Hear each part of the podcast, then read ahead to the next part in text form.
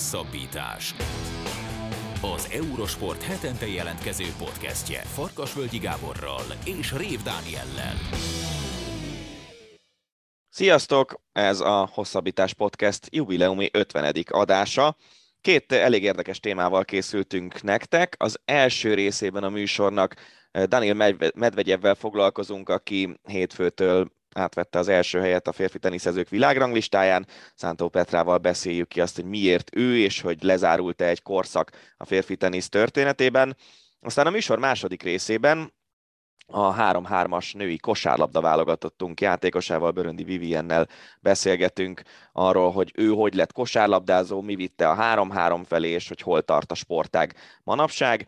A műsor harmadik részében pedig az Ácsi rovat jön, sajnos elég sok orosz-ukrán érintettségű hírrel, de lesz kézilabda is, és lesz golf is ezúttal. Jó szórakozást kívánunk a podcasthez! Tenisz 2004 óta nem volt olyan, hogy a férfi tenisz világranglistájának élolvasát ne Nadalnak, Federernek, Djokovicnak vagy éppen Andy Murraynek hívják. Megtört a jég, az új világ első immáron Daniel Medvegyev, és egy nagyon komoly korszak ért véget, vagy hát inkább felteszem inkább kérdésként ezt, hogy egy komoly korszak ért véget? Tehát innentől kezdve most már borítékolható, hogy a nagy négyes tagjai közül mondjuk most egy kicsit gondban vagyok, mert nyilván Federer és Murray már nem lesz világelső szerintem, Nadal meg, meg Djokovic még akár lehet, de lesznek ők még világelsők, vagy innentől kezdve ez most már csak a fiatalokról beszélgettetünk, ha a világ első pozíciójáról beszélünk. Sziasztok, köszönöm szépen a meghívást. Hát én is gondban vagyok egyébként, ugyanúgy, mint te, hogy, hogy mit mondjak erre, hogy ez egy generációváltása, hogy ez egy új korszak kezdete-e. Szerintem még nem. Szerintem még nem. Azért azt tulajdonképpen azt lehet mondani, hogy nem nem feltétlenül csoda kategória, hogy Dani Medvegyev világelső lett, inkább talán csak távlatokban gondolkodva, hogy te is mondtad, ez gyakorlatilag majdnem 20 év, hogy a nagy négyesén kívül senki nem volt ott a, a világranglista első pozíciójában, ami egyébként, ha belegondoltak, egy, egy, egy egészen, egészen brutális dolog, és, és már itt ilyen, azt kell mondani, hogy ilyen libabőrös kategória az, hogy, hogy egyáltalán mi ebben a korszakban élhetünk és láthattuk ezt a korszakát a férfi tenisznek, de az, hogy Daniel Medvegyev világelső lett, az szerintem az elmúlt egy-két év távlatában viszont egyáltalán nem csoda. Egyértelműnek tűnt, hogy ő a legkomplettebb játékos a fiatalok közül, nem feltétlenül csak is kizárólag a pályán nyújtott teljesítménye alapján, hanem talán ő volt az, aki a leginkább felnőtt a feladathoz fejben. Erről is lehet majd beszélni, de, de, de Medvegyev tényleg azért megoldott egy, egy olyan Grand Slam döntőt Novák Djokovic ellen, amikor mindenki azt akarta, hogy Novák Djokovic nyerjen, mert hogy megcsinálhatja a naptári Grand Slam-et, és ez, ez tényleg nagyon durva dolog, hogy azt ott akkor elviselte. Ennek tulajdonképpen egy, egy hozománya, egy következménye az, hogy előbb-utóbb belőle világ első lett. Inkább előbb, mint utóbb, hiszen azért azt is tegyük hozzá, hogy ebben a váltásban itt a világranglista első-második pozíciójában vastagon benne volt az, hogy Novák Djokovic nem tudott elmenni Ausztráliába, vagy hát egész pontosan elment, de kitoloncolták, és nem tudta megvédeni a címét. Azért az 2000 pont, az nagyon sok. Tehát egy teljes Grand Slam versenynek a pontszáma azzal, hogy nem indulsz el, miközben címvédő vagy. Ez nagyon-nagyon sokat segített abban, hogy Medvegyev már most világ első legyen.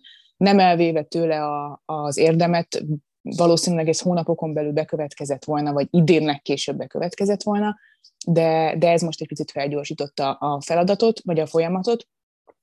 Viszont visszatérve a kérdésedre, ez nem azt jelenti, hogy Novák Djokovic nem fog még Grand Slam tornát nyerni, és nem lehet az, hogy, hogy majd megint visszajön a, a világranglista első pozíciójába. Nyilván, mivel tavaly az első három Grand Slam tornát megnyerte, ezért neki ezt a hármat meg kell védenie. Sőt, ugye a negyediken is döntőt játszott, ez elég sok pont, amit meg kell védenie. Jelenlegi körülmények között, ha azt nézzük, hogy neki azért lehet, hogy azzal is nehézsége lesz, hogy elinduljon ezeken a Grand Slam tornákon, ez nem lesz egyszerű. Tehát betonoz, betonozhatja magát Medvegyev, Viszont nézzünk egy kicsit hátrébb is a világranglistán, és azt látjuk, hogy ott van egy Rafael Nadal, ki 35 évesen az első 15 meccsét megnyerte a szezonban. Megnyerte Grand Slam tornát, meg két kisebb tornát még ezen kívül, mi lesz itt a salak szezonban. Tehát az sem kizárt, hogy Rafael Nadalnak is lesz még valamikor valahol esélye arra, hogy, hogy ott legyen a világranglista első pozíciójában. Tehát ez egy, ez egy inkább fél generációváltás, vagy a generációváltásnak talán az egyik, egyik fontos lépés. Engem ez a az egészben az érdekel a legjobban, hogy Daniel Medvegyev tud-e valami különlegeset. Tehát mi az, ami őt kiemeli abból a generációból, amelynek ő a tagja, miért pont ő az, aki át tudta venni a világ elsőséget ettől a uh, egészen hihetetlenül, tényleg a, a tenisz történelem szerintem messze legkiemelkedőbb uh, hármas a négyese, most hogyha Mörit ide vesszük, akkor négyes, és ezután jön Medvegyev, és ez, ezt már nem veszi el tőle senki, hogy ezt a korszakot ő zárta le, de mit tud ő, amitől ő zárta le ezt a korszakot? A pályán szerintem mindent tud, amit tud Novák Djokovic is, és ez talán így foglalja a legjobban össze a, a, az ő felemelkedését, vagy nagyon gyors felemelkedését. Elképesztően sokat tud az alapvonalon, de ő nem egy egydimenziós játékos, most nem mint hogyha a top 10 többi fiatal tagja egydimenziós játékos lenne, félre ne értsétek, csak, csak ott mondjuk egy Sasha Zverev, egy, egy Stefanos Tsitsipas, aki még ott van, ők nem azt mondom, hogy egydimenziós teniszezők, csak, csak talán őket jobban zavarba lehet hozni akkor, hogyha ha valaki megpróbál ellenük valami mást játszani, vagy kiszedi a komfortzónájából őket. Medvegyevet nem annyira lehet zavarba hozni. És ez szerintem alapvetően egyébként elmondja, hogy mi az a második fontos dolog, ami miatt ő világelső lett, vagy amiatt ő lett az első világelső a nagy négyes után, az az, hogy ő fejben sokkal-sokkal előrébb jár, mint a többiek, sokkal előrébb jár. Sokat gondolkoztam azon egyébként, hogy, hogy miért és hogyan, de ő egész egyszerűen egy ilyen egyéniség.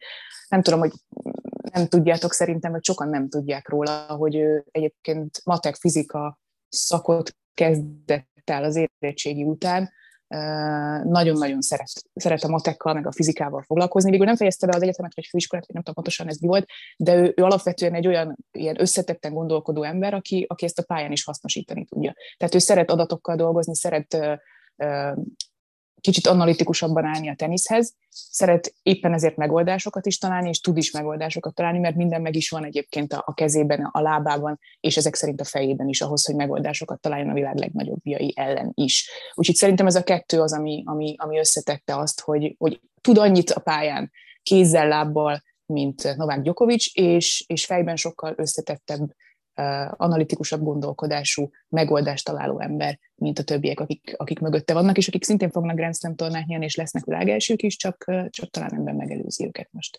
Medvegyev. Tehát ő például nem tudom, hogy ezt tudjátok-e, de ő nem csak edzővel, meg erőléti edzővel dolgozik, hanem dolgozik pszichológussal is, tehát kicsit ilyen filozófikus oldalról is próbálja megközelíteni a dolgokat. Egy francia pszichológus nővel dolgozik, aki miatt egyébként megtanult felsőfokon franciául Medvegyev, Szeret egyébként szép irodalmat, filozófiát olvasni, és van egy ilyen úgynevezett ilyen sporttudós is a csapatában, azt nem tudom pontosan, hogy kell magyarul mondani, aki, aki viszont ilyen elemzéseket szállít neki, és, és így állnak hozzá a meccsekhez, így próbálnak megoldást, meg stratégiát kitalálni. Úgyhogy ez azért, ez azért tényleg egy, szerintem egy extra dolog, mondjuk, ha egy 20-as évei közepén járó teniszezőtől. Egy ilyen reneszánsz embernek tűnik. Igen, Mondjuk abszolút, a sportfiológusjának a telefonszámát megadhatna Alexander Zverevnek, szerintem tudna rajta dolgozni egy pár órát.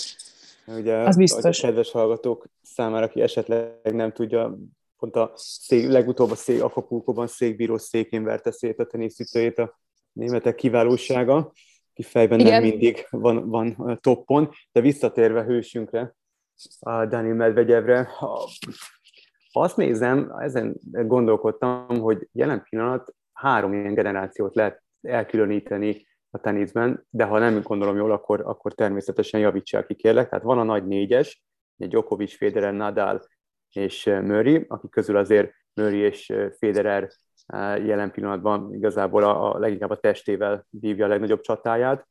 Aztán jön ugye Medvegyev, Cicipás, Sapovalov, Rubjov és Team, ha így rendben Zverev. vagyunk. Zverev, Zverev igen. Még? És akkor ott van számomra a két legérdekesebb fiatal, az egyik Alcaraz, a másik pedig a fiatal kanadai Ozsi Aliassim. Alcaraz ugye most azt hiszem 18 éves, és most, van, most, most nyert ATP 500-as tornát, és írt történelmet azzal, hogy a legfiatalabbként nyert ilyen rangos viadalt. Tehát, hogy ha azt nézzük, akkor ugye Federer nagyon sokáig nem kapott olyan ellenfelet, aki, aki úgy Isten igazából veszélyeztethette volna a világ első pozícióját, vagy királyságát Wimbledonban és a többi Grand Slam-en leszámítva a Gárosz, de most Medvegyev, hogyha azt nézzük, hogy még a, a nagy négyesből azért ketten még simán ott vannak, a kortársai közül ott vannak három, négyen, öten biztosan, és még jön ez a két szemtelenül fiatal srác, Tehát, hogy ő azért most nagyon hamar, nagyon gyorsan megkapja a, az ellenállást, illetve kap a nyakába egy Rahedi riválist. Hogy mennyire lehet, mennyire tudja ő majd megtartani ezt a világelső pozíciót, illetve a mai tenészben mennyire fontos a játékosok számára a világelsőség. Nézd, hogyha ha úgy érkezel meg a, a, a világ legjobbjai közé, hogy 20 éve ugyanaz a három ember áll a világranglista élén, oké, okay, Murray is ott volt egy párszor, meg is érdemelte, de, de mondjuk ezt azért szűkítsük le egy háromra. Tehát ez, ez, a, ez a három ember 20 éven keresztül ott volt a világranglista élén. Azt hiszem, hogy most jelen pillanatban elég nagy dolog világ uh-huh. lenni. Még akkor is, hogyha az ember elismeri azt, hogy ez most azért történt, vagy részben azért történt, mert Djokovic nem tudta megvédeni az Ausztrál Open címét. Szerintem ez most ezeknek a fiataloknak nagyon fontos, mert ők így nőttek fel, uh-huh. hogy sőt, mi is ember kezet óta nem mondtuk azt, hogy a világ első XY, mindig csak ebből a háromból válogattunk, meg néha Murrayből. Tehát szerintem most ez nagyon fontos. Visszatérve a kérdésed első részére, ez egy nagyon érdekes, érdekes dolog lehet, hogy most egy kicsit homogénebbé válik valamilyen szinten majd a, a férfi tenisz. Nyilván ezt majd csak akkor mondhatjuk, ha, ha visszavonul Novák Djokovic és Rafael Nadal, és lehet, hogy ez még egy-két év kérdése. Um, hogy homogénebb lesz a tenisz, és ebből nehezebb talán egy picit kiemelkedni. Addig, amíg Medvegyev fejben ennyivel előrébb jár, mint a többiek, addig szerintem ő kemény pályán mindenképpen halmozhatja a Grand Slam trófeit. Ugye Medvegyevnél ami problémát jelenthet, hogy ő salakon nem tud igazán jól játszani, bár kiindulva a, a fejbeni képességeiből azért ezt is meg lehet tanulni. Mint ahogy egyébként uh, nyilván Nadal is megtanult hüvön játszani, és, és Federer is nyert Roland Garrost ez, ez szerintem egy, egy nyitott, nyitott út, egy nyitott kapu, amit, amit Medvegyev a saját képességeivel uh, majd egyszer megugorhat, de problémát jelenthet uh, a pályafutásának mostani következő néhány évében az, hogy ő igazából a négy Grand Slam tornából kettőn esélyes. Azt a kettőt viszont bármikor szerintem megnyerheti innentől kezdve. Amíg fejben előrébb jár, mint a többiek, addig ő ebben kiemelkedik. Tehát én azt gondolom, hogy ő fog először többszörös Grand Slam bajnok lenni ő lesz először többszörös Grand Slam bajnok a többiek közül. Viszont a, ha visszatekintünk az elmúlt néhány évre, akkor azt látjuk, hogy az, hogy volt két nagyon erős, vagy három nagyon erős játékos a mezőnyben, akik uralták a férfi teniszt, az igazából csak fölhozta Novák Gyokovicsot, sőt, bizonyos értelemben rajtuk nőtt fel, és miattuk lett annyira jó teniszező, mert ilyen embereket kellett legyőzni, és nem egy ilyen kicsit posványosabb mezőnyben kellett halomra nyerni a Grand Slam tornákat. Ez szerintem megerősítette Novák Gyokovicsot, és hogyha Novák Gyokovicsot megerősítette, akkor igazából Medvegyevet is megerősítheti az, hogy neki már nem csak egy utána következő generáció, hanem utána következő két generáció is ott van a nyakában szó szerint. És, és tényleg, ahogy te is mondtad, Félix Ozsieliasszim, ha megtanul nyerni, ha Carlos Alcaraz szerez még egy-két év rutint, akkor ők is brutálisan hamar és jók lehetnek majd, hiszen nem véletlen az, hogy, hogy Alcaraz olyasmi rekordokat döntöget meg, amit utoljára Rafael Nadal döntögetett meg. Érdekes, amit mondtál, hogy Medvegyev igazából egy borításon jó, de azon kiemelkedő, a másik kettőn meg nem annyira jó, ami nyilván azt jelenti, hogy mondjuk nyugodtan 8-ig vagy 4-ig eljuthat bármelyik Grand Slam tornán, de hogy nem esélyes. Mert hogyha így nézzük, akkor viszont ugye hát nyilván a teniszezonnak a, nem tudom, fele az kemény pálya, vagy a 60 a vagy nem, nem tudom pontosan, hogy mik az arányok, de hogy a nagyobb része az kemény pályán zajlik, és ez nyilván kellett ahhoz, hogy Medvegyev világ első legyen, de akkor ezek szerint úgy tudott világ első lenni, hogy a van két gyengébb borítása, ami elmondható volt Federerről is valamilyen szinten, Nadáról is valamilyen szinten, Djokovicról talán kevésbé, de az biztos, hogy a másik három, aki az elmúlt húsz évet uralta, viszont annyira jó volt a saját borításain, hogy ezzel kompenzálni tudta a kicsit gyengébb borításait. Medvegyev is ennyire jó a sajátjám? Igen, szerintem ezt, ezt jól megfogtad a, a lényeget, mert, mert ez is mutatja azt, hogy mennyire kiemelkedik kemény pályán Medvegyev a jelenlegi a, a nagy négyesen vagy nagy hármason kívüli generációból. Tehát, hogy ő kemény pályán ezt a gyors játékot, ezt a hihetetlen ütőerőt, ez az ezzel járó lábmunkát, az ezzel járó nagyon gyors gondolkodást és taktikai lehetőségeket, ezt, ezt, ezt ő a legjobban használja ki legjobban használja ki, ezen nincs mit szépíteni egyébként. Cicipásznak ott lehet azért természetesen az, hogy mondjuk ő salakon is ugyanolyan erős játékos, mint, mint kemény pályán, ez Verep is elképzelhető, hogy tud Roland Garros nyerni, egyáltalán nincs benne a, nincs, nem lehet ezt kizárni, viszont, viszont már most kiemelkedik Nedvegyev taktikailag, repertoárban, stratégiailag és ez, ez kemény pályán iszonyatosan kifizetődő tud lenni, pláne úgy, hogy, hogy a szezonnak egy, egy nagy részét, illetve a Grand Slam tornák 50%-át kemény pályán játszett. Az évad következő, soron következő Grand Slam tornája az a Párizsi Roland Garros lesz. Kiindulva abból, amit látunk Rafael Nadából, most itt a, az idény kezdete óta, tehát hogy megnyert sorozatban 15 meccset, megnyert három tornát, ugye megnyerte a Melbourne Grand Slam felvezető tornáját, jól emlékszem Brisbane-ben talán ott volt, megnyerte a Melbourne tornát, és megnyerte most az Acapulco-it, azúttal Keményfen, tehát Salakon, a Károszon lehet bármiféle meglepetés, nyilván mindig benne van a meglepetés, de hogy az utóbbi évekhez képest ugyanúgy Nadal a torony magas favoritja a Garosznak? Hát most már azt mondanám, hogy látva ezt az első egy hónapot, hogy az lenne a meglepetés, ha nem nyerné meg a Gároszt. Uh-huh. Nadal miközben mondjuk tavaly, amikor kikapott Djokovic-tól, ugye négy között, vagy, vagy amikor mondjuk nem játszott fél évig, akkor már elgondolkodtunk azon, hogy lehet, hogy a Gároszon sem lesz esélye, mert felnőttek rá uh-huh. a, a fiatalok. Egy Djokovic nyilván tud úgy csalakon játszani, hogy egy Nadált is megverjen, sokat várt rá, de, de, de tud úgy játszani. Cicipászban bőven benne van, ott vannak Carlos Alcarazék, tehát hogy, hogy, hogy vannak salakon is most már kihívói, Viszont, viszont amit most láttam, vagy láttunk Nadáltól az elmúlt egy hónapban, különösen azt az Ausztrál Open döntőt, az alapján azt lehet mondani, hogy, hogy, hogy Csalakon még inkább uralkodhat ebben a szezonban. Tehát én nem, nem látom jelen pillanatban, hogy, hogy bármi is veszélyeztetné azt a fajta salak hegemóniát, amit, amit láttunk az elmúlt 15 évben tőle, leszámítva talán a tavalyi évet. Elég érdekes, nem, hogy itt vagyunk. Négyben nyerte az első Garoszát, ugye? 5, 2005. Ben. Uh-huh. Itt vagyunk 17 évvel később, és Rafael Nadal lesz az esélyes a Roland Garroson, ez majdnem biztos.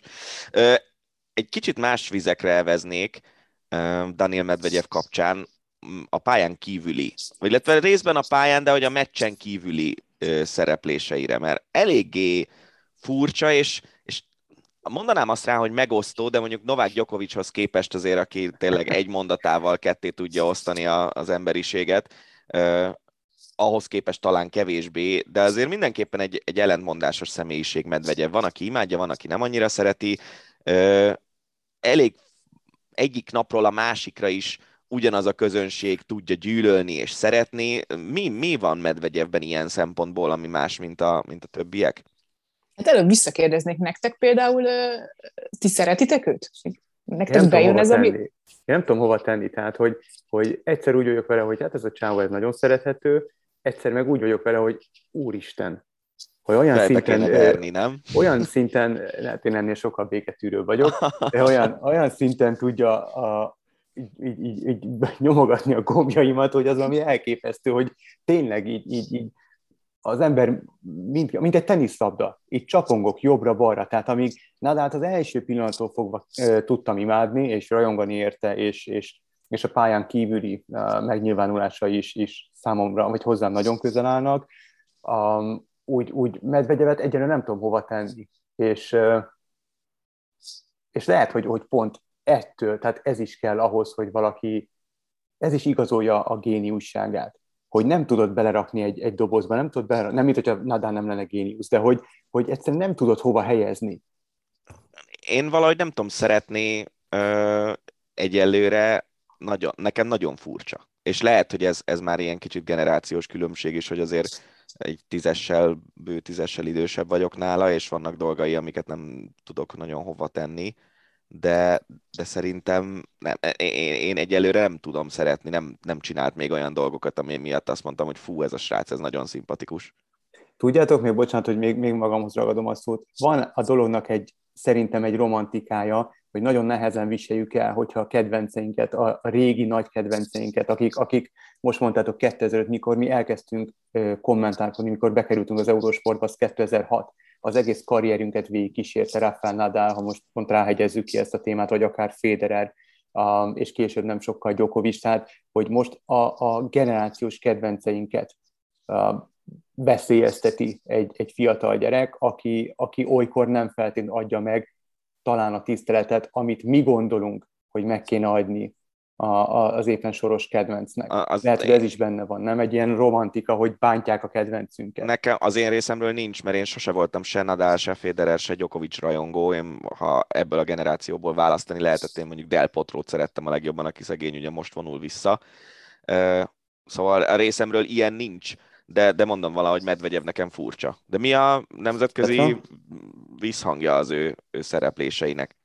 Látod, föltetted ezt a kérdést, és most már öt perc arról beszélünk, hogy akkor Medvegyev most jó fej, vagy nem jó fej, Igen. és ez, ez mindent elmond róla, és elmondja azt, hogy tényleg egy megosztó ember, egy, egy ellentmondásos ember, talán az ellentmondásos a legjobb, mert, mert én nem feltétlenül látom néha a következetességet a, a pályán, nyújtott viselkedése, és amellett, ami egyébként az életben általában, vagy a, a nyilatkozataiban. És abban is igaza van Fagának, hogy, hogy, hogy nyilván nehéz ezután a korszak után kedvencet találni, vagy nehéz elfogadni azt, hogy lesznek játékosok, akik jobbak lesznek egy idő után ennél a nagy négyesnél, már pedig jobbak lesznek. Én, ne, én őszintén leszek, nekem bejön medvegye. Tehát a, van benne egy olyan fajta ilyen nihilizmus, ami szerintem ami szerintem nagyon vagány, és nagyon kell, és, és ha nem lenne ilyen személyiség, nem hiszem, hogy megnyerte volna azt a US Open döntőt. Ha, ha nem tudna nem tudná magát így függetleníteni attól a fajta mondjuk néha gyűlölet áradattól, amit kap a nézőktől, vagy azért, mert hülyeségeket csinál a pályán, vagy azért, mert a, a, a másiknak szurkolnak, akkor, akkor nem lenne ilyen erős fejben, akkor nem, nem jutott volna el a világranglista éléig, szerintem. Tehát enélkül a személyiség nélkül, ami, ami vastagon összefügg azzal, hogy egyébként fejben milyen erős a pályán, szerintem nem lenne ő világ első. Ha ő egy picit is érzékenyebb ember lenne valamilyen szinten, tehát mondjuk, mondjuk egy, egy, egy cicipász, vagy egy, egy zverev, vagy egy rubjobb lenne személyiségben, akkor nem jutott volna el idáig. És ez a nihilizmus, ez a, ez a fajta um, ösztönös, vis, ösztönös és szerintem rendkívül nyers és őszinte viselkedés, ez szerintem kellett. És nekem pont ez benne a szimpatikus, hogy, hogy nem játsza meg magát egy pillanatig sem. Ha ő kiakad, akkor kiakad a pályán. Hogyha utálja a közönséget, akkor utálja a közönséget. De tudja használni is a közönséget. Viszont ha meghallgatod az nyilatkozatait, a sajtótájékoztatóját, és Dani, neked ajánlom az Ausztrál Open döntőt követő sajtótájékoztatót, annak is az elejét, ott volt egy monológia a Medvegyevnek, akkor nagyon megváltozik egyből a, a véleményed róla. Ez egy nagyon intelligens, nagyon okos, nagyon művelt, kultúrált ember. Dani Medvegyev, még hogyha néha ezt nem is látjuk a pályán. Nem gondolom, tehát nem, nem az van, hogy én utálom, vagy ilyesmi, csak egyelőre nem tudtam megszeretni, aztán lehet, hogy majd megtudom, lehet, hogy majd meghallgatom. Szerintem, az szerintem az a monológia azért sok mindent elmond arról, hogy, hogy milyen ember valójában Medvegyev, és hogy, hogy bár vannak olyan, olyan őszinte nyers kirohanásai a pályán, amit nem mindenki tud hova tenni, vagy nem illik bele abba a képbe, amit mi a, a, a profi és sztár teniszezőkről kialakítottunk az elmúlt tíz évben. Ennek ellenére én azt gondolom, hogy ő egy, egy nagyon összetett, nagyon jó fejember, és nekem nagyon izgalmas, izgalmas személyiség is, nekem nagyon bejön az. Kicsit, kicsit néha azt szoktam mondani, hogy az ember néha hogy magára ismer azzal, hogy, hogy mindenkinek van szerintem ilyen kettősége a, a saját viselkedésében, hogy milyen az, amikor tényleg összeszedetten tud viselkedni, és fegyelmezett, és a többi, de milyen az, amikor néha bekattam valami, és mondjuk nem tudom, a dugóban elkezdesz kikelni saját magadból, hm. és, és, és egy picit, mintha magára ismerne az ember a saját gyarlóságaival, vagy nem tudom, és nekem emiatt is szimpatikus egyébként. Ezért kicsit Murray is ilyen volt, aki ugye egy, nem egy haláljó ember, de hát nyomdafestéket nem tűrő módon viselkedik a pályán még mindig, úgyhogy négy gyerekes apa, tehát ezek vicces dolgok. Szerintem ez, ez egy kicsit emberi teszi Medvegyevet, és nekem ezért, ezért szimpatikus nagyon. Hát akár szimpatikus, akár nem. Medvegyev vezeti hétfőtől a teniszezők világranglistáját. 20 éve gyakorlatilag ő az első, aki a nagy négyes uralmát meg tudta törni. Meglátjuk, hogy meddig lesz ő a világ első, és hogy merre felé halad a karrierje. Petra, köszönjük szépen a beszélgetést. Szántó Petrával, az Eurosport kommentátorával elemeztük ki Daniel Medvegyev útját a csúcsra. Kosárlabda. A műsor második részében Vöröndi Viviennel a 3x3-as kosárlabda, női kosárlabda válogatott tagjával beszélgetünk, aki de kapcsolatban nyilván rengeteg kérdésünk van, többek között az, hogy ez a 3-3 elleni kosárlabda, ez, ez mitől ilyen népszerű, nem csak Magyarországon, hanem, hanem világszerte, de mielőtt ebbe belemennénk, azért egy pár szóban mutassuk be eh, Vivit. Ezt majd egészíts ki, Vivi, hogyha úgy gondolod, hogy esetleg valamit kihagytam. 95-ben születtél, Sopronban nevelkedtél, játszottál Egerszegen, az MTK-ban és a Vasasban is, jelenleg az NKFCM csata együttesének vagy a tagja. A, játszottál már a csapattal az európai porondon is, és tagja vagy a 3-3 elleni, vagy 3x3-as kosárda válogatottnak is. Ha ezzel így abszolút rendben vagyunk, akkor Ö, nem, ö, Ludovika FCM csata a hivatalos név, itt a szponzorok, meg minden ilyesmi miatt mondom, Na. hogy ne legyen ebből gond. Hát akkor reméljük ebből nem lesz gond. Szóval Igen. hogyan ismerkedtél meg a kosárlabdával? Miért pont ezt a sportot választottad? Ez egy elég vicces sztori, és általában, amikor ezt hallják, akkor jól kinevetnek, hogy én miért is kezdtem valójában kosarazni. Az volt a, a, a lényeg, hogy általános iskolába délután és napközibe jártam, és uh, ott ilyen vegyes csoportok voltak, és mindig a barátném elmentek kosáredzésre, és mindig egyedül maradtam. És akkor mondták, hogy gyere, hű, próbáld ki, tök jó lesz. Na mondanom se kell, hogy abból a pár lányból már csak én jutottam el, főleg ilyen szintre, úgyhogy ez egy elég vicces sztori. Nekem édesapám volt focista, de semmi olyan sportolói szál nem köthető a családomhoz, úgyhogy ez egy tök random dolog volt, hogy én elkezdjek kosarazni. És a 3x3 vagy 3-3 elleni játék az, az hogy jött be az életedbe? Mert ugye ez az a sportág, aminek így a fejlődését valamilyen szinten követtük az Eurosporton annak köszönhetően, hogy a Tokiói olimpián bemutatkozott az olimpiai programban is, és ugye nagyon hasonló játék a rendes kosárlabdához, de mégsem ugyanaz. Mennyire kell specializálódni, meg hogy jött neked az, hogy, hogy erre fogsz specializálódni? Aha, nekem 2017-ben Károly Jöndi szövetségi kapitány keresett meg, hogy lesz nyáron idén is összetartás, és hogy ugye azért ő figyelemmel kísérte a pályafutásomat, és úgy gondolja az ötöt játékom alapján, hogy beleillenék ebbe a közegbe, ugye nagyon sok egy-egy jellemez, mozgékonyság, azért a három-három abban különbözik az ötöttől, hogy egy sokkal fizikálisabb, gyorsabb játék ezért is élvezik egyébként a, a nézők ennyire. Nagyon jó a körítés, megy a zene alatta, ugye mindig az is specifikussága az egésznek, hogy, hogy mindig olyan helyen rendezik meg, tehát egy olyan környezetben, ami, ami tényleg mondjuk egy adott városra jellemző hely. Például volt Európa-bajnokság Párizsban, az Eiffel-toronynál volt a pálya. Tehát, hogy ezek ilyen tök ilyen plusz dolgok, ami nézőcsalogató is lehet és, és, és szerintem azért élvezhetőbb, mint, tehát az én szemszögemből, saját tapasztalataim alapján egy élvezhetőbb sportág, mint az ötöt. Mind a kettőnek megvan a szépsége, meg a sajátossága. Én nagyon szeretem a három-hármat. Mennyire, ne, mennyire nehéz átállni ötötből három a háromra? Itt mondtad, hogy azért sokkal gyorsabb a játék, meg azért, eh, ha valaki mm-hmm. esetleg figyelemmel követte az olimpia alatt a közvetítéseket, akkor ezt abszolút megtapasztalhatta, hogy tényleg nagyon pörög, és valóban sokkal fizikálisabb sokkal több a kontakt a játékosok között, de azért te az idény nagy részét a hagyományos kosárlabdázással töltöd, mennyire nehéz átállni 3-3 ellenére? Inkább a, a legelején volt nehéz átállni, hiszen totál át kell kapcsolni az embernek az agyát, mivel ez egy pörgősebb játék, nincs idő szomorkodni esetleges hiba után, vagy kihagyott dobás után, menni kell, védekezni kell, jön a következő támadás, tehát hogy egy sokkal pörgősebb, én úgy gondolom egy három-három játékosnak tényleg szerintem nagyon hogy most angolul jutott eszembe, skillednek kell lenni, tehát labdaügyesnek, uh-huh. meg, meg tényleg ö, ö, keménynek, fizikálisnak, és hát tényleg ö,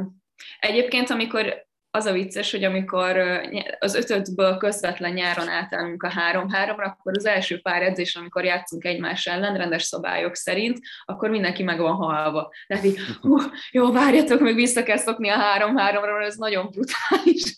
Ugye a fizikáliság, meg tényleg a gyorsaság miatt sokkal fárasztóbb sportról beszélünk. Nekem az nagyon tetszett a nyári olimpiai közvetítéseket figyelve, hogy még egy rendes kosárlabda meccs, hogyha szoros a vége, az nézhetetlenné válik, rengeteg időkérés, faltok, stb. stb.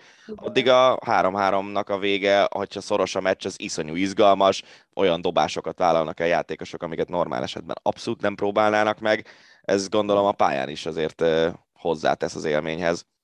Hát sokkal izgalmasabb egyébként, én is úgy gondolom. Ott, ott tényleg másodpercek töredéke tud dönteni Tehát, hogy, hogy, hogyha például azt vesszük, hogy egy hosszabbítást a 3-3-ba simán el lehet intézni egy két pontos dobással, és akkor nyer az adott csapat, amelyik bedobta a két pontos. Nyilván, mivel nagyobb a tér, sokkal nagyobb lehetőségek vannak, három ember van egy félpályán, tehát tényleg szerintem élvezhetőbb a végjáték, ebben igazat adok. Annak mi az oka, hogy Magyarország ennyire sikeres a 3-3 ellenében, akár a férfi, férfiak esetében, akár a hölgyeknél? Ugye 2016-ban Európa bajnokok lettetek, 17-ben, 19-ben VB ezüst, és az olimpiáról tényleg centikkel maradt le a női válogatott, meg a férfi is. Igen. Milyen, Igen. Mi, mi köszön, minek köszönhető ez a, ez a siker? Um, nagyon szeret, tehát hogy az összes játékos, aki 3-3-ba megy, az úgy megy oda, hogy már alig várja. Hogy alig várja, hogy háromszor hármazhasson, és alig várja, hogy ebbe a közösségbe jöjjön nyáron, és töltsön el időt, meg edzéseket, mert ez egy, ez egy nagyon összeszokott gárda. Én úgy gondolom, a 3-3-ban az már tényleg fél siker, hogyha, hogyha tényleg jó a kémia a játékosok között, uh-huh. és, és, és tényleg egy összeszokott csapatról beszélünk, mint egy, olyanok vagyunk egyébként, mint egy kis család, tehát én úgy gondolom, hogy ez is amellett, hogy jó játékosok, jó ötöt játékosokból is áll a három-három csapat, már évek óta együtt játszunk és együtt töltjük a nyarakat, ez mindenképp egy, egy összekovácsoló tényező, tehát hogy, hogy az ember azért egy három-háromba, ott, ott tényleg az van, hogy ott mind a négy emberre ugyanannyi felelősség hárul. Tehát, hogy, hogy ott nincs olyan, hogy valaki nem játszik, és akkor nem érzi annyira magáénak az adott győzelmet például. Tehát, hogy, hogy ez, a, ez a kémia játékosok között nagyon fontos, és tényleg mi egy nagyon-nagyon jó kis gárda vagyunk, már sok évvel ezelőtt kezdődött ez az egész itt Magyarországon, azóta volt egy kemény mag, és mindig úgy volt, hogy csatlakoztak be játékosok. Én úgy gondolom, hogy ez is a kulcs, és ez is a miértje annak, hogy a magyarok sikeresek a sportákban. Faga mondta, hogy nagyon kevéssel maradtatok le az olimpiai szereplésről, ezt el tudod mesélni, hogy pontosan hogy zajlott? Ugye az volt, hogy ott Debrecenben egy utolsó másodperces kosár döntötte el az olimpiai szereplést, sajnos nem a mi agunkra. Nagyon szomorú pillanatok voltak azok, rossz volt látni a lányokat a pályán összeroskadva, de tényleg a, a szomorúságtól teljesen átérezte az ember a lelátóról, hogy, hogy ők mit éreztek, és, és nagyon-nagyon sajnálatos volt az egész, és szívbe markoló, úgyhogy sajnos egy utolsó kosár döntött a szereplésről. És a jelenlegi csapat, aminek most már te is oszlopos tagja vagy, a jelenlegi csapat előtt milyen célok lebegnek most? Milyen, milyen, a Covid azért így nyilván átírta az egész forgatókönyvét itt a, a, a nemzetközi tornáknak, a lebonyolításnak, nyilvánvalóan hatása volt a hazai bajnokságra is, meg a, a pályafutásodokra is ezért helyel közel, de hogyha így kezd helyreállni már a világrendje, akkor, akkor már úgy lehet tudni, hogy körülbelül milyen célokat Természetesen. tartatok szem előtt? Ugye, aha, ugye az idei nyárról fog szólni, hogy lesz egy Európa ö, selejtező, ö, és azon, annak függvényében megyünk Európa-bajnokságra, vagy sem, illetve nyilván szeretnénk, tehát én úgy gondolom, hogy ez alapvető cél, meg kitűzés, hogy, hogy kijussunk az EB-re. Ezen kívül sajnos VB idén nem lesz a, a magyar csapatnak, de lesz egy Women Series tornasorozat, ami már pár éve van, és arra szeretnénk minél több állomásra elmenni, és, és minél több pontot begyűjteni, hogy a világranglistán haladjunk előre, és a következő évben minél előbb, előbb pozícióból tudjunk indulni, meg úgy alapjáraton is. Úgyhogy ezt mindenképp mondhatom célnak. Illetve ugye két év múlva azért szeretnénk az olimpián szerepelni, ez egy, ez egy olyan álom, úgy gondolom minden játékosnak, meg alapjáraton is minden sportolónak, hogyha tényleg oda egyszer az ember kijut, akkor, akkor az, szép teljesítmény, és, és majdnem, hogy a jéghegy csúcsa. Tehát ez, ezek mindenképp. Én például ennek élek, és nagyon jól tudom, hogy a csapattársaim is, hogy, hogy mindent alárendelünk annak, hogy mi olimpián szerepelhessünk, és úgy élünk, hogy, hogy ennek eleget is tudjunk majd tenni. Ez egy, ez egy hatalmas álom, és egy, egy, egy, egy olyan cél valósulna meg, amit, amit hát minden sportoló nagyon szívesen tűz neki maga elé. Az biztos sok más sportban előfordult az, hogy amikor bekerült az olimpia programjába, akkor olyan játékosok, versenyzők is megjelentek, akik korábban valami hasonlót csináltak, de azt, ami éppen bekerült új, új számként, vagy új sportákként az olimpiai programjába, azt nem. Gondolok itt például a sportmászókra, ahol megjelent a sportmászói mezőnyben olyan falmászó is, aki korábban nem kifejezetten erre specializálódott, vagy a mhm. curlingben, a vegyes páros játékban, amikor olimpiai programba került, akkor megjelentek olyan nagy nevű curlingesek is, akik addig nem játszottak vegyes párost. Ez nálatok is így van, hogy, hogy erősebb lett sokkal a mezőny, mióta bejelentették, hogy a 3-3 elleni kosárlabda is bekerül az olimpiai programba?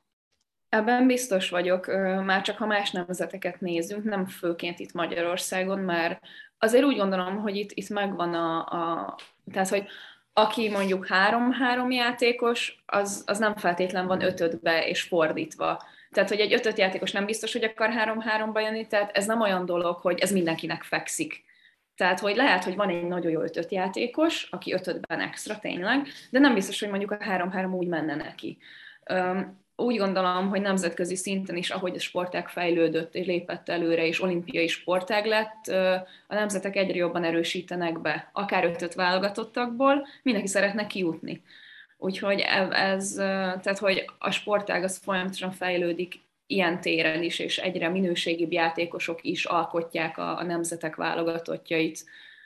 Ez biztos, hogy így van. Igen. Hát már hogyha megnézzük pár évvel ezelőtt a mezőnyt, azért, azért nem ilyen erős volt, mint most úgy gondolom. Más volt, inkább úgy mondom. Arra csak visszagondolva, amikor mi a, a 2017-ben az U23-mal megnyertük a Nations League-et, akkor nem volt mondjuk a, a Nations League-ban, ahol mi szerepeltünk, nem volt francia csapat, aki most az élen jár, nem volt benne az U23-as orosz csapat, akik szintén nagyon jók, tehát így egyre több nemzet csatlakozik a, a tornasorozatokhoz és be a, a 3-3-ba.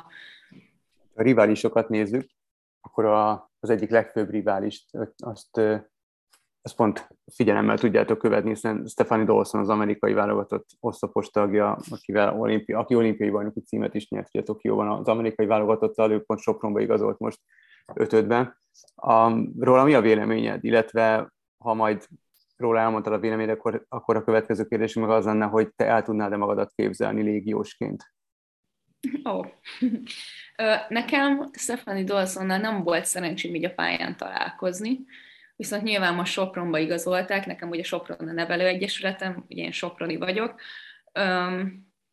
Egy, egy elképesztően jó játékosról beszélünk, én úgy gondolom, aki, aki három-háromban is, meg ötödben is jónak számít, és, és megállja abszolút a helyét. Van ilyen egyébként, hogy ötöt is, három-három is. Tehát, hogy így, így nincsen vele olyan komolyabb tapasztalatom, azon kívül úgy tudom, hogy, hogy az amerikai 3-3-ban szerepelt, és, és most Sopronban igazolt. És ami a légiósodást illeti, te el tudod képzelni, hogy, hogy másik ország bajnokságában is kipróbáld magadat? Vagy, vagy... Többben, vagy három-háromban. Um, Mert ugye vannak, vannak kinligák 3-3, csak még ez nem olyan fejlett így a hát világon. igen, gondolom, hogy, hogy ott azért legyen... a, megélhetésre is gondolni kell, és gondolom a 3-3 az még nincs annyira magas szinten, hogy ott, ott úgy igen. kimenj légősködni, hogy akár a megélhetésed is uh, biztosítva legyen. De hogyha mondjuk 5-5-ről beszélünk, akkor azt el tudod képzelni, hogy, hogy légőskodásba kezdjél? Igen.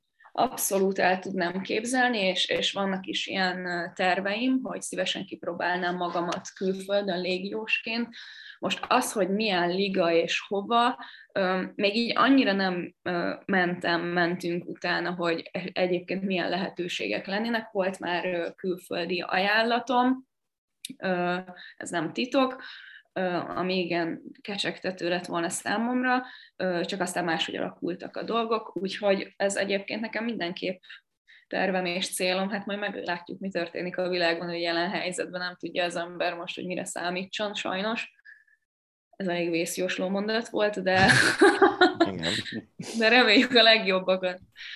Egyébként van olyan kifejezetten 3-3 liga, amiben profi játékosok játszanak, és abból meg lehet élni, vagy azért mindenki elsősorban az ötötből él, aki 3-3 Els, válogatott? Aha. Elsősorban az ötötben élnek ugye a 3-3 játékosok is. Most így konkrétan nem tudom, azt tudom, hogy Oroszországban van 3-3, szerint azt hiszem Romániában, nem akarok hülyeséget mondani, Mongóliában biztos van, azt tudom, hiszen ezek a nemzetek például ezért tudnak ilyen sok pontot összegyűjteni, ami ugye, ami kell a világranglista helyezéshez, mert van saját bajnokságuk, ahol egész évben versenyeznek, és amikért járnak a pontok. Úgyhogy ez sem egy utolsó szempont ilyen téren, hogy jó, ha az embernek van vagy, vagy hát az országnak saját Pont, pont erre rá akartam kérdezni, mert ami szerintem nagyon érdekes a 3-3 lebonyolításában, vagy engem mindig vonzanak a sportágaknak ezek a, az ilyen le, szervezeti dolgai, hogy világranglista, meg ilyesmi, hogy egyéni világranglista. Azt gondolná az ember, hogy egy csapatjátékban ilyet nem nagyon lehet felállítani. Mondjuk lehet, hogy fogának a különböző sportágak gót vitáit könnyebben eldönteni, hogyha mindig lennének eh, egyéni világranglisták, de hogy itt van a, előttem az egyéni női világranglista, egy eh, spanyol lány vezeti jelenleg, és a, nekem is feltűnt, hogy egy csomó mongol van, az első 25-ben három mongol játékos van. Ez hogy néz ki ez a világranglista? Eh, mi alapján lehet pontokat szerezni, és, és miért nem csapatok világranglistáját tartják számom? Azt is számon tartják, a csapatok világranglistáját, Aha. ugyanúgy.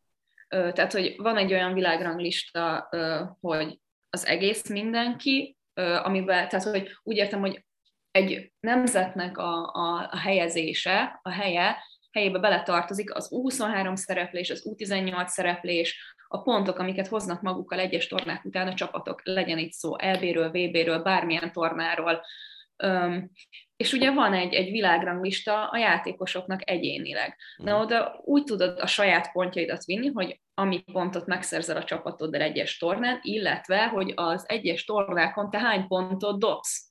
Tehát, hogy ezek után ah.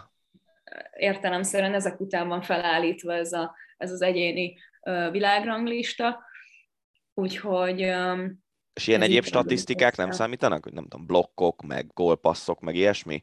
Csak a pontok? Um, azt hiszem, hogy ez úgy van, hogy vannak tornák, ahol írják, Aha. de meg ugye amikor neten lehet követni így a statot, ott, ott, ott van még plusz egy-két statisztikai mutató. Nem vagyok annyira biztos benne, mert nem nagyon nézegettem ezeket, hogy őszinte legyek, de nyilván itt a, a pont, ami, tehát nem egy olyan összetett, mint az ötöt, vagy eladott labda, szerzett labda, blokk, uh-huh. assziszt, bármi, megjelenne a statisztikán. Ez egy szűkebb dolog, uh-huh. úgy gondolom, mint statisztikai mutatók terén. Ha már Dani szóba hozta a gót kérdést, és ugye ezt most éppen nem én hoztam szóba.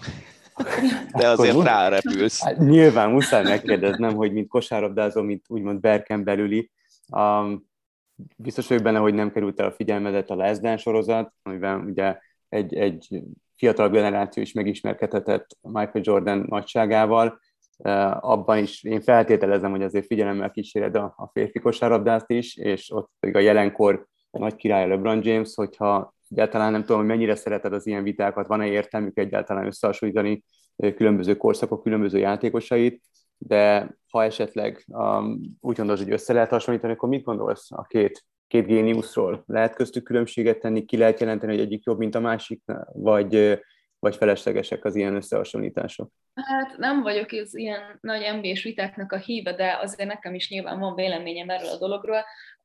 Szerintem nem lehet összehasonlítani, mert az az időszak, ez egy modernebb, fejlettebb világban élünk minden téren, akár ha csak a rehabilitációt nézzük. Teljesen más korszak szerintem a Lebronéké, mint a Jordané és erről így ennyit mondanék. Én mind a kettőt kiváló játékosnak tartom. Nyilván Jordan a nagy öreg, őt, őt mindenki imádja, szereti, bálványozza. Én is egyébként. Amúgy az nba nem követem annyira, annyira figyelemmel, nyilván így a dolgokkal tisztában vagyok. Tehát, hogy én nem kelek fel, nézek meg egy uh-huh. mérkőzés éjjel, annyira nem vagyok nagy NBA fan, de, de nyilván, mint kosárlabdázó tisztában vagyok így a, a dolgokkal, meg a fontosabb részekkel. Szeretem Lebront, igazából mindig voltak nekem is kedvenc játékosaim. Na és van ki most a kedvenc? Igen, most ki az? Most ki a, most ki a kedvenc? Én szeretem Lebront, én, én Currynek a játékát totálisan elismerem, szerintem kiváló játékosról beszélünk, úgyhogy ők, Van példaképed, Vivi? kiskorom óta fegyverneki Zsófia példaképem egyébként, hogyha a magyar, magyar kosárlabdát nézzük, mert én úgy gondolom, hogy ő, ő az, aki, aki tényleg egy olyan játékos, hogy minden kiskosarasnak fel kell nézni rá. És ezt nem...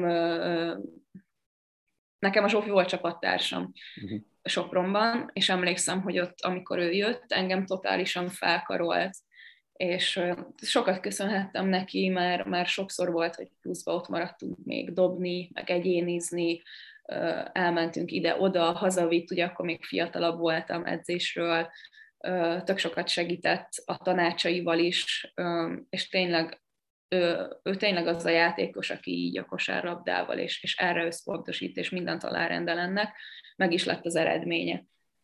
Fegyelmezett, tényleg a kosárlabdának él egész életében, egy, egy vérprofiról beszélünk, úgyhogy hát nem hiába nagyon sok kislány, kosaras kislány példaképe Zsófi, úgyhogy ő mindenképp említhetjük, hogy, hogy nekem ő az, aki, aki példaképként szolgál, és felnézek rá. Ez most nagyon kis szívbe markoló jelenet volt. Nem, de ez tök jó. Egyrészt nem az is önmagában nagyon jó, hogy, hogy ezt ennyire konkrétan tudod, hogy neked ő a példaképpen, mert szerintem nagyon sok embernél van az, hogy így elkezdenek gondolkodni egy ilyen kérdésnél ezen, és, és nem is feltétlenül találnak választ. És a másik része meg tök jó, hogy, hogy te fiatalként a példaképeddel együtt tudtál játszani, és tőle tudtál tanulni, mert szerintem erről kéne szólni ennek az egésznek. Nagyon sok, sok mindent átadott nekem, és a lehető legtöbbet, amit tudott, hiszen nyilván egy csapatban játszottunk, egy volt a cél, közös munka, és, és tényleg nagyon sok tanácsal ellátott, úgyhogy én nagyon sokat köszönhetek, úgy gondolom neki. A mai napig egyébként megkérdezi, hogy vagyok, mi újság, tehát hogy a, a kontakt az megmaradt meg a kapcsolat, úgyhogy, úgyhogy én őt, őt tényleg mindenképp példaképnek tekintem. Az interjú végéhez értünk. Azt kívánjuk neked meg az egész magyar 3-3-as kosárlabdának, hogy az az utolsó másodperces dobása a következő olimpia előtt az a mi Jó, oldalunkra döntsön. Sok sikert kívánunk a következő évekhez. Köszönjük szépen, köszönjük. Böröndi Viviennel beszélgettünk. Ácsi. A hét legérdekesebb hírei. Sziasztok! Egy hét kihagyás után újra itt vagyunk Danival, és, és jön az Ácsi rovat. Egy picit enyhén szóval enerváltak voltunk az olimpia után, úgyhogy bár hatalmas tüntetések zajlottak itt a házaink, lakásaink előtt, hogy ugyan miért nincs Ácsi, de kivírtuk a nyomást, és kipihentük magunkat, és újult erővel állunk neki, és hozzuk a híreket, és kommentáljuk nektek. Úgyhogy hogy... nagyobb volt a tömeg, mint az orosz nagykövetség előtt. Igen.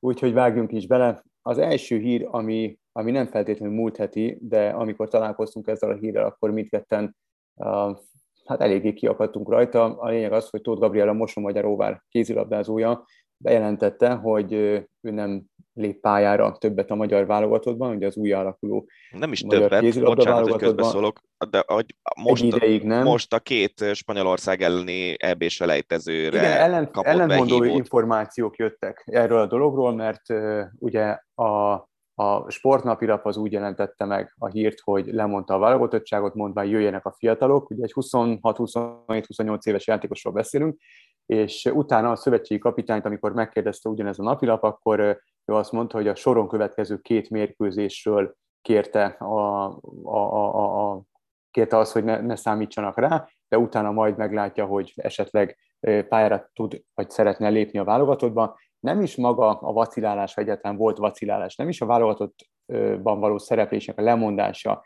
csapta ki számomra személyen, személyesen a, a, az én esetemben a biztosítékot, sokkal inkább az, hogy, hogy milyen szinten ment a, a hibáztatás, hogy milyen szinten szállt rá a, a sportnapilap a újságírója Tóth Gabriellára, és, és egy ilyen szörnyű személyeskedésbe átcsapó publicisztikában kezdték el elmondani mindennek a fiatal játékost, aki hozott egy döntést az életével és a pályafutásával kapcsolatban, és lemondta a válogatottságot. Mi az Isten köze van bárkinek ehhez? Ezt miért kell bírálni? Miért kell Miért kell személyeskedésbe átcsapó publicisztikában bírálni? Egyszerűen nem értem. Nem akar a válogatottban játszani, pont, ennyi. Egyáltalán szerintem egy ilyen kérdésnek nem kéne közügynek lennie. Vagy maximum úgy, hogy oké, okay, elfogadjuk a döntést. Tehát ugye az a sztori, hogy, hogy behívta Tóth Gabit Golovin Vladimir, a, a spanyolok ellen fogunk játszani itt március elején, azt a másodikán, meg ötödikén EB-s elejtező meccseket. Nagyon nagy tétje nincs a dolognak, bár az Európa-bajnokságon a sorsolás az jobban alakulhat, hogyha az, itt az egymás elleni párharcból jobban jövünk ki a spanyolokhoz képest, de igazából ugye két csapat kijut az EB-re, és két gyengébb csapat, amelyeket már legyőztünk még ősszel, van még a csoportban. Ez az egyik része a dolognak, hogy nem, nem a legfontosabb meccsekről van szó. A másik része a dolognak az az, hogy a válogatottban, még a jelenlegi válogatottban, ahol ugye Kovacsics Anikó például hiányzik, Szucsánszki Zita nem tudom, hogy lesz-e még válogatott, tehát még a jelenlegi válogatottban is egy kiegészítő ember lenne Tóth Gabriella, aki ősszel egész jól játszotta a Moson Magyaróváron, de ugye neki nagyon érdekes a válogatott pályafutása, mert őt 18 évesen már bedobták a, hazai EB-n a válogatottba, és akkor neki nagyon hullámzó volt. Voltak ilyen messiásként megérkező meccsei, amikor vitte a hátán a csapatot, és szenzációsan játszott, és aztán voltak hosszú hullámvölgyek is, amikor meg nem igazán játszott jól, csomószor nem is került be a válogatott aktuális keretébe, és most is, hogyha nem hívja be őt Golovin, akkor senki nem mondta volna azt, hogy úristen, hogy lehet Tóth Gabit kihagyni. A behívóra ő azt mondta, hogy ő most nem szeretne a válogatottban szerepelni, mert nagyon rossz időszak van mögötte, nincs formában, covidos volt ő is, mégis nagyon hamar játszania kellett a, Covid után, mert a csapatában is volt egy csomó covidos, és nem tudtak volna nélküle kiállni, és, és ennyi, és, és tényleg nem tudom, hogy ez miért közügy, miért, miért kell belőle cikkeket írni, miért kell személyesen támadni egy játékost egy döntésért. De én értem azt, hogy a, válogatott mez az egy szent dolog, meg ilyesmi, de hogyha ő azzal indokolja a válogatottság lemondását, hogy szerinte ő most nem tudna hozzátenni a válogatott szerepléséhez, és ilyen állapotban nem szeretne a válogatottban játszani, akkor azt mondhatjuk, hogy ezt ne ő döntse el, hanem döntse el az edző, hogy a jelenlegi formájában játszó Tóth Gabriella ott van-e mondjuk a három legjobb irányító között Magyarországon, de, de ezt lehet kultúrát módon is tenni, és tényleg azt meg, hogy publicisztikákat jelentetnek meg, hogy, hogy tényleg személyében támadják a játékost egy ilyen döntésért, az egy másik kérdés. Az, hogy van ellentmondás Tóth Gabi nyilatkozata és Golovin nyilatkozata között, az, az ellentmondást is meg lehet oldani szerintem akár házon belül, leginkább úgy, hogy a két személy tisztázza a helyzetet egymás között, hogy akkor most örökre mondta le, vagy csak erre a két meccsre mondta le, ha formába lendül, szívesen játszik a válogatottban, és a többi, és a többi. Nem tudom, szerintem ez, ez nagyon szerencsétlen, hogy, hogy ezekből az esetekből közügyet csinálunk, vagy csinál a sajtó egy része, mint ahogy mondjuk azt is szerencsétlennek érzem, de ez már nagyon az én személyes gondolatom, hogy, jelen, hogy folyamatosan jelennek meg publicisztikák Balai Attilától a Nemzeti Sportban, kézilabdás témákban, ami alá nincs odaírva, hogy ő egyébként a kézilabda szövetség alkalmazásában is áll. Hát, Szerintem ez, ez nem, nem feltétlenül korrekt sajtóetikailag, de mondom, ez az én véleményem. Szerintem ezzel a véleménnyel tudunk azonosulni. Ennyit Tóth Gaviról, meg erről az egész ügyről, de ki tudja, lesz folyamodványa, és akkor természetesen majd akár még foly, mi is foglalkozunk vele. Labdarúgás. Az angliai The Sun számolt be arról, hogy a Barnsley csapatát erősítő Kilum Style magyar állampolgárságot kapott, és márciusban bemutatkoztat már Kolossi együttesében. Középpályásként és szárnyvédőként is bevethető a játékos, a bőri Messi-ének becézik, úgyhogy erről már korábban lehetett hallani, mi is beszéltünk, bekerült nálunk is a, a, az Ácsi rovadba, és nagy kérdés, hogy, hogy vajon tényleg bekerül a válogatottba. Egyelőre a sportnapilap is a The Sun-ra hivatkozik, tehát hivatalos információ MLS-től származó információt még nem olvastam az ügyel kapcsolatban. Um, az én vesztőparipám az mindig az, hogy, hogy oké, okay, biztos tök jó játékos, a nagymamája révén magyar származású, tehát elvileg akkor megkaphatta, gyakorlatilag is megkaphatta az állampolgárságot, hogy most, amikor tényleg tézsával öntik bele a pénzt a magyar labdarúgásba, hogy nekünk tényleg honosítani kell labdarúgókat, tehát hogy mindig nem jutunk el odáig, és ha egyáltalán elfogunk, akkor mikor jutunk el odáig, hogy kineveljük a labdarúgóinkat. Hát erről beszélgettünk Marosi Gergővel pár héttel ezelőtt, hogy ez a helyzet. Jól értettem, hogy Barnsley és Callum Styles a játékosnak a neve? Jól hallottad. Ez a Csak... neve. Hogy, Igen? Hogy a Bőri Messi-nek hívják, a vecézik, és Callum Style a, az új embernek a neve. Csak hogy jó, hát fiatal, 2000-es születésű, nem tudom, tehát azt sem értem.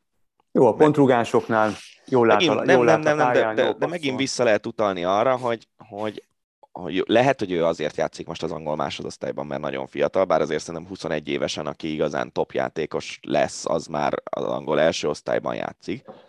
De hogy megint arra lehet visszautalni, hogy hogy akarjuk felvenni a versenyt a nálunk erősebb foci nemzetekkel, hogyha az ő másodvonalukból igazolunk, vagy honosítunk játékosokat, ugyanaz, mint a hát, kéziben, vagy, vagy az angol másodosztály az, az klasszisokkal jobb, mint a magyar NB1, és azért a magyar NB1-ből is ja, Ez biztos, de... játékosok a keretben, miután sajnos kevés játékosunk játszik a külföldi top bajnokságokban. Na mindegy, nem, nem tudom, én, én ezt semmiképp sem gondolom jó iránynak, de erről is már sokat beszéltünk. Igen, igen. Ami egy fokkal örömtelibb hír, hogy Eriksen visszatért, 259 nap után játszott ismét tétmérkőzést Christian Eriksen, a második félidőben lépett pályára Brentford csapatában Newcastle elleni meccsen, amelyet mondjuk elvesztettek, de ettől függetlenül ez egy, ez egy örömteli pillanat volt. Ugye ő a 2021. júniusában a Dánia-Finnország EB mérkőzés alatt esett össze, és újra kellett éleszteni.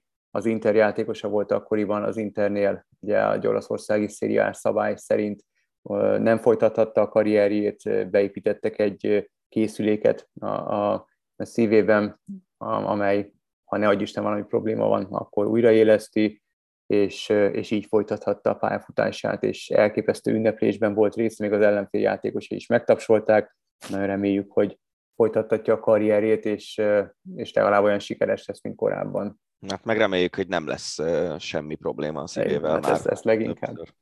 Ezt leginkább. És akkor igazából elérkeztünk egy olyan pontra itt az Ácsiban, amit nagyon gondolkodtam, hogy, hogy megfussunk vagy ne, de nem lehet elkerülni, hiszen, hiszen erről szólnak az utóbbi napok.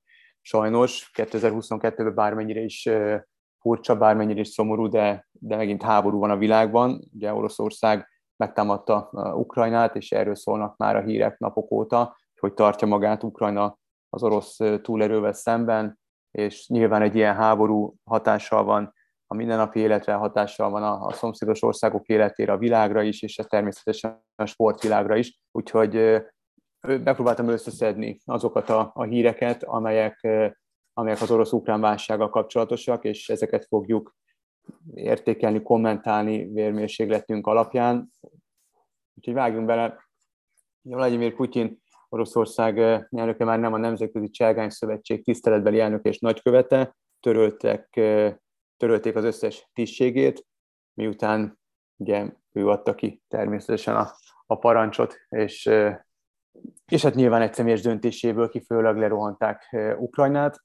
Azért, amikor egy nemzetközi küzdősport szövetség tüntet el a soraiból, az elég sokat mondó nem épp, tehát hogy ott azért enyhébb gazdasági bűncselekményekkel, meg ilyesmikkel egész nyugodtan lehet évtizedeken keresztül is elnök valaki, ha, meg főtitkár, úgyhogy ez azért sokat mondó.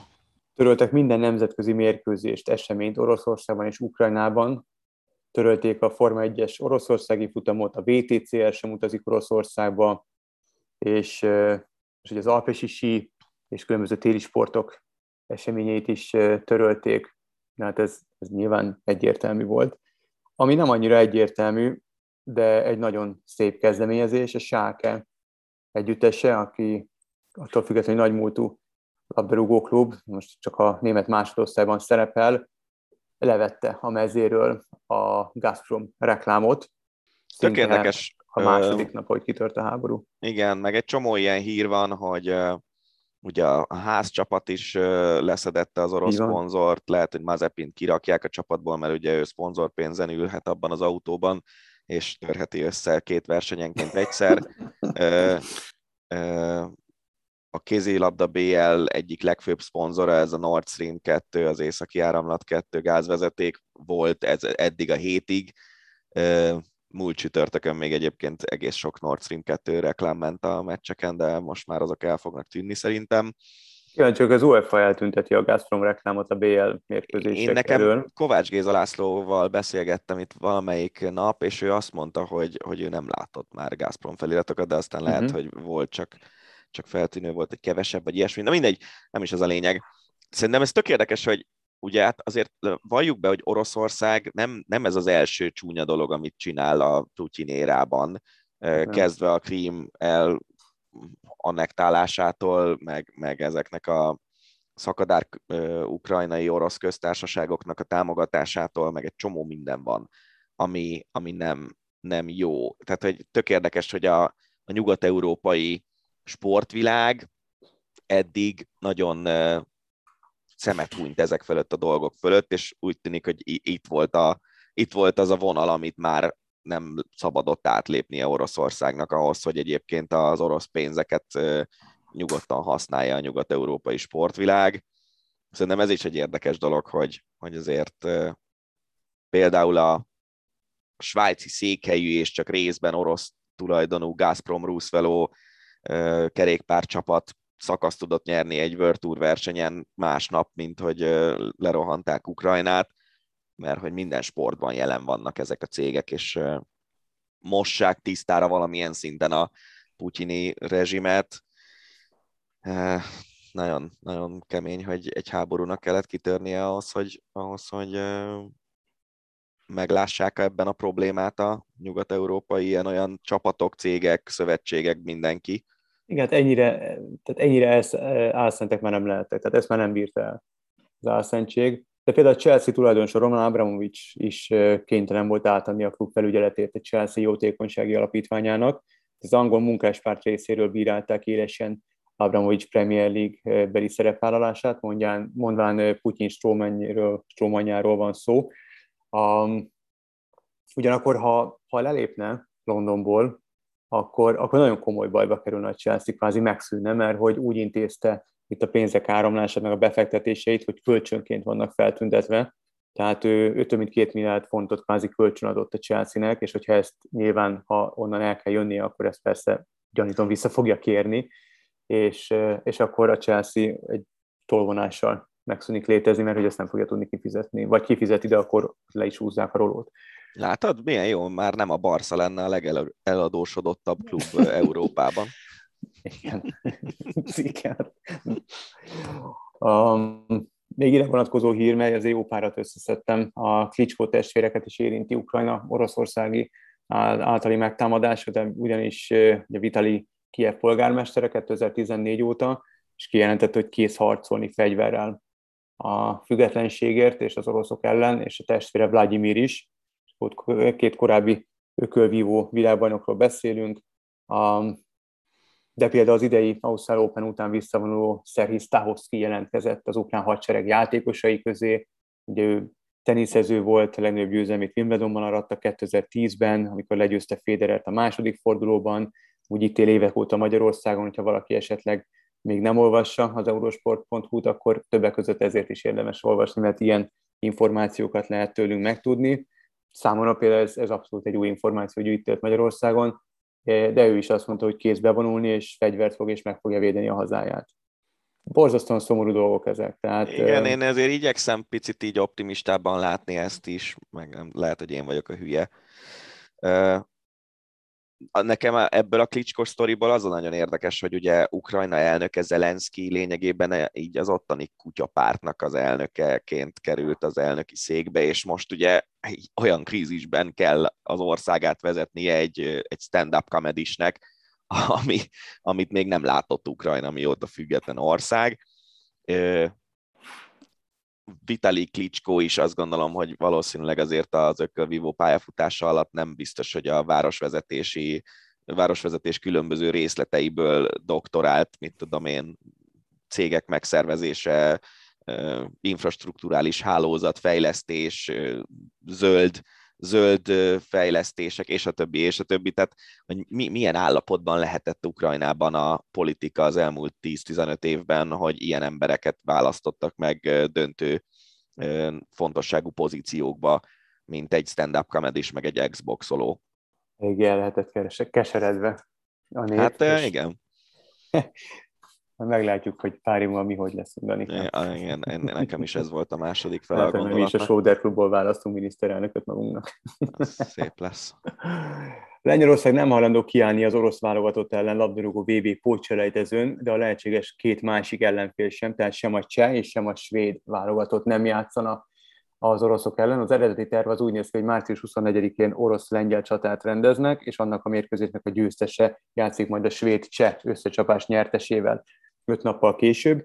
A lengyelek megkeresték a cseheket és a svédeket, és egyik válogatott sem hajlandó velük játszani. Az UEFA, illetve a FIFA természetesen lépett, és azt a döntést hozta, hogy Oroszországnak semleges helyszínen, semleges mezben kötelező lejátszani, vagy kötelező lenne lejátszani a mérkőzését, a VB-s selejtezőt, úgyhogy a himnusz nem játszák el a tiszteletükre, tehát megint egy ilyen, ilyen semmilyen Fél döntés. megoldás. Fél megoldás abszolút, de a három válogatott jelezte, hogy még így sem hajlandó, sőt beszállt negyediként az angol labdarúgó válogatott is, az FA azt üzente a FIFA-nak, hogy teljesen mindegy, hogy mi történik, ők nem fognak pályára lépni az oroszok ellen, bármilyen körülmények között is rendezzék meg a mérkőzést.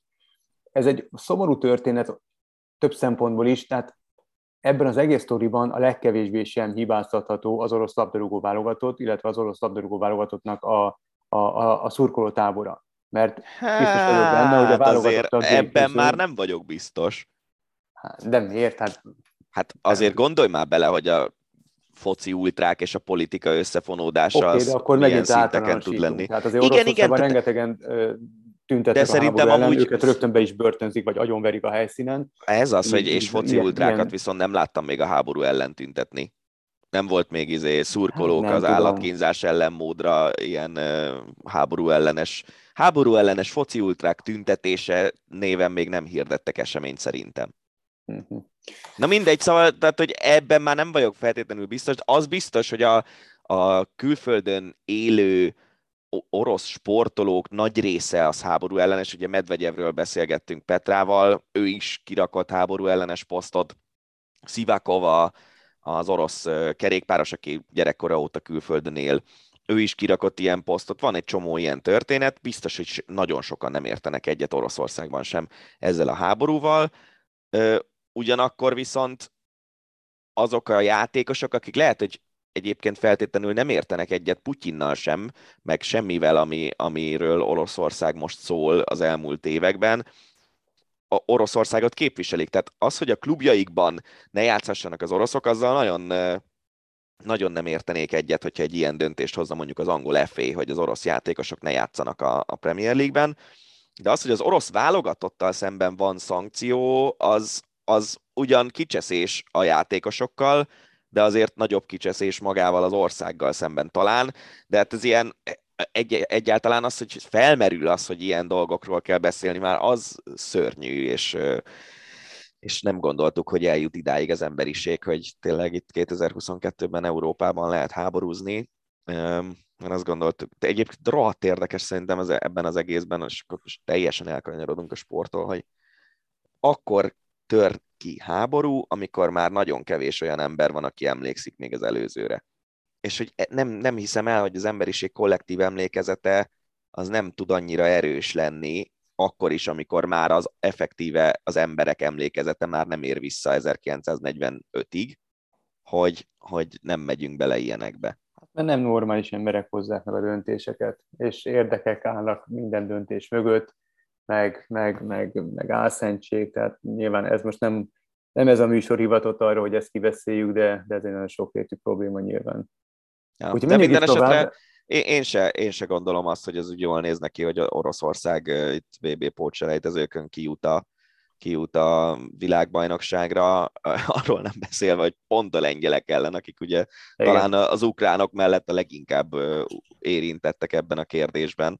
Igen, hát meglátjuk, mi lesz ennek a történetnek a vége. Um... És egyébként ez nagyon érdekes, hogy, hogy az a lengyel kormány, ami nagyon hasonló politikát képvisel, mint azok a különböző európai pártok, akár nálunk a kormánypárt, vagy Olaszországban a Salviniék, vagy a Marine Le Pen féle ilyen orosz barát, erősen jobboldali politika, ez a lengyeleknél is megvan, de náluk az orosz ellenesség az teljesen politika független, mert mégiscsak elfoglalták egy párszor az ő területüket az oroszok az elmúlt, nem tudom, két-háromszáz évben, és, és igen, emiatt nem a lengyeleknél... Nem, nem felejtenek olyan könnyen, mint... Igen, igen, igen, a lengyelek nem felejtettek el olyan könnyen.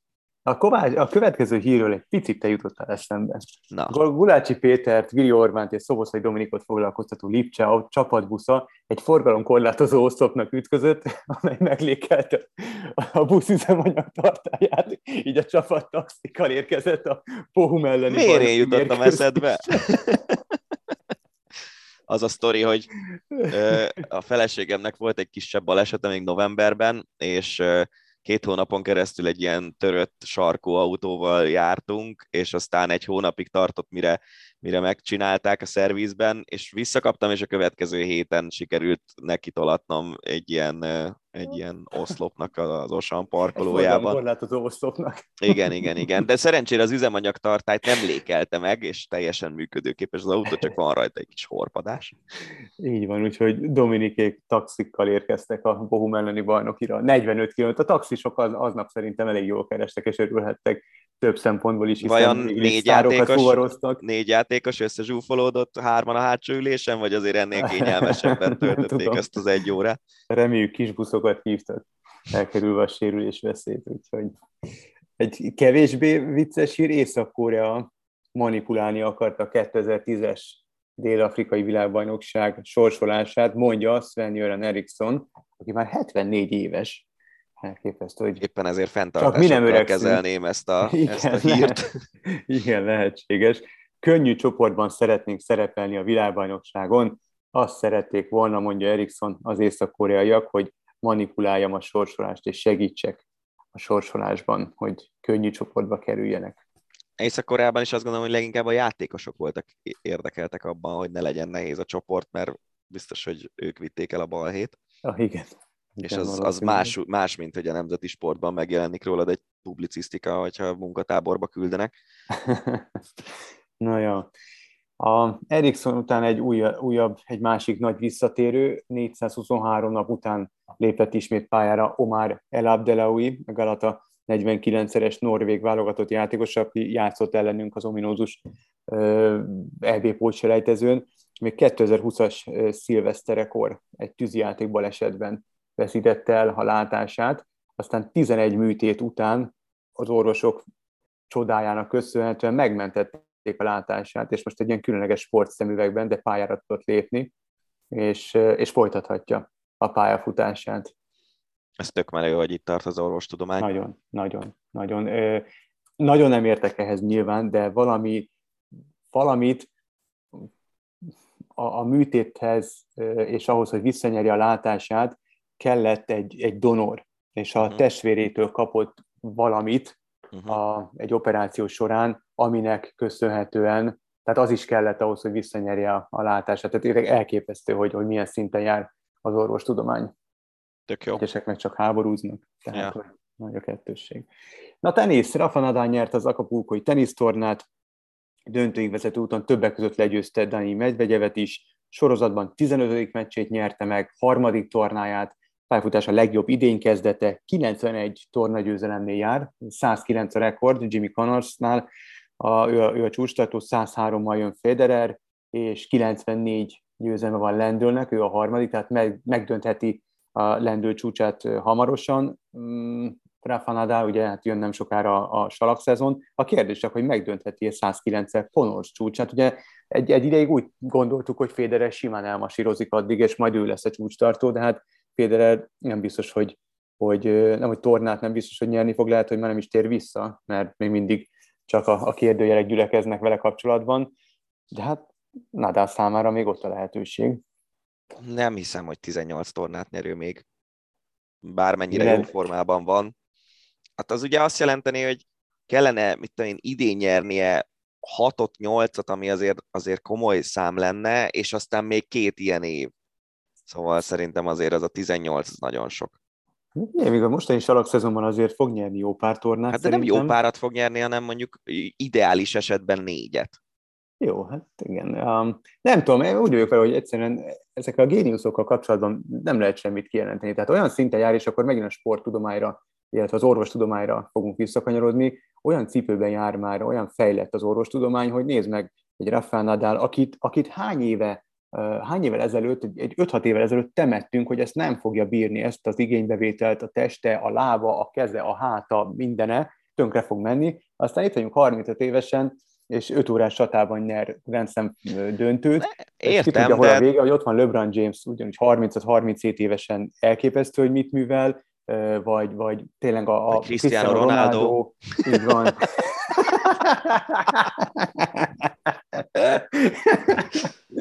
Tehát említhetnénk. Kéne találnod új, új hősöket. a hősöket nem cseréli le az ember.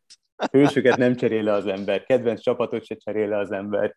Na mindegy, szóval igen, elismerem, te, teljes mértékben csak a, a, azt kell látni, hogy a 18 az sok. Tehát, hogyha végigcsinálja uh-huh. a mhm. salakos szezont úgy, hogy nyer szokás szerint Barcelonában, nyer mondjuk a három salakos ezresből egyet, vagy kettőt, de még ha hármat is nyer, akkor is az öt, és akkor marad 13, amit még meg kéne nyernie, hogy utolérje Connorst, az nagyon-nagyon sok, szerintem. Hát meglátjuk. Alex Verev is még bizonyította, hogy fejben valami nagyon nincs rendben nála, dükkitöréséről is, és a barátnő bántalmazásról is híres teniszező, ezúttal a székbíró székén verte szét az ütőjét, egy, az akapulkói tenisztalán egy páros meccs során egy vitatott szituációt követően, ő kint látta a labdát, a székbíró nem, a, a pontot végül megkapta az ellenfél, végül Zverevék elbukták a meccset, és amikor a készfogáshoz készültek volna, akkor fogta és szétverte az ütőt a székbírónak a, a székén. Centikre, centikre a lábától. Centikre a, a bíró lábától. Ez, ez valami nagyon komoly gondjai vannak ennek a fickónak. Tehát ez, De nem, ez azért gondolj már bele, hogy kit érdekel egy ATP 500-ason egy páros, egy Zverev szintű olimpiai bajnok, van, meg, meg világbajnok teniszezőnek. Ne, nem is értem. 40 ezer dolláros bünti, nem kapta meg a pénzdíjat, és ugye a, korábban volt hasonlóban része a, a másik okosnak, Nick Kyrgiosnak, és ha jól emlékszem, ő felfüggesztett eltiltást kapott. Nyilván rögtön leléptették a tornáról, az egyesben sem folytathatta Acapulcóban, egyelőre még, még nem tudni, hogy, hogy kap-e eltiltást, vagy nem kap -e eltiltást, nyilván óriási a felháborodás, de nem csoda. Persze. Novák Djokovic lehetséges, hogy kihagyja az, az amerikai ezres tornákat, ugye Indian Wells és Miami, mert hogy egyelőre még nem tudni, de hát itt megint csak a, a, az oltásra lehet e, visszavezetni ezt az egész történetet. Ő sem tudja még, hogy elindulhat vagy nem indulhat el. El, anélkül, hogy most itt sajnálom vagy nem sajnálom, azért így baromi nehéz lehet készülni és, és fenntartani a motivációdat, hogy fogalmad nincsen, hogy most akkor melyik tornán indulhatsz, melyiken nem indulhatsz, jó, de a nemzetközi világban vannak szabályok, tehát én azért nem értem ezt az egészet, hogyha az Egyesült Államokban nem utazhat be valaki oltatlanul, akkor, akkor nem indul Djokovic, és kész. Ő, ez az ő döntése. Annyira, annyira azt hallgatjuk már nem tudom hány hónapja, hogy Novák Djokovic a személyes döntéseknek a nagy barátja, az az ő döntése, akkor ez van. Elviseli majd valahogy. Minden idők legfiatalabb ATP 500-as torna győztese lett a spanyol Carlos Alcaraz, döntőben az argentin Schwarzman verte 6-4-6-2-re. Hát nagyon sokan a fiatal Nadát látják benne, és pont a napokban... Van egy ilyen érzésem, hogy te is, ugye? Igen, de, de azért, mert azért nem akarok abba a, a, a hozzáértő szerepébe tetszelegni, én tényleg csak ilyen rajongója vagyok a, a, a tenisznek, de a napokban, amikor így Nadának nézegettem a meccsét, elém került a YouTube-on egy Nadal Carlos Moya mérkőzés, amikor Nadal 16 évesen agyonveri Molyát, de úgy játszik, hogy te jó Isten. Hát elképesztő. Én nem is láttam azt a, azt a felvételt, azt a meccset, és, és ezért kezdtem el gondolkozni, hogy, hogy vajon Alcaraz mikor robbant akkorát, mint, mint, mint Nadal robbantott annak idején, és hogy mire lesz képes ez a fiatal 18 éves srác. Ugye most beszélgettünk Medvegyevről, hogy, hogy milyen hamar jut el olyan magasságokig, mint, mint Nadal, hiszen egy felgyorsult világban élünk, sokkal gyorsabban történnek a dolgok, mint, mint 10-15 éve történtek, és kíváncsi vagyok nagyon, hogy neki mennyi időt vesz igénybe a pályafutása során az, hogy elérjen legalább olyan magasságokig, ha egyáltalán elér olyan magasságokig, mint, mint Nadal. Hát meglátjuk, az biztos, hogy nagyon nagy tehetség, és egyébként szépen is játszik, tehát az ő, ő játéka azt nagyon szemre tetszetős. Igen. Atlétika, nem sokszor foglalkozunk atlétikával, de amikor megláttam ezt a hírt, akkor, akkor rögtön tudtam, hogy erről beszélni kell már csak azért is, mert, mert megemlékezhetünk egy, egy kedves kollégánk, a családja előtt. Megfutotta a VB szintet Ilovszki Dominik, és pályafutása első fedett OB elsőségét szerezte meg a fiatal sprinter.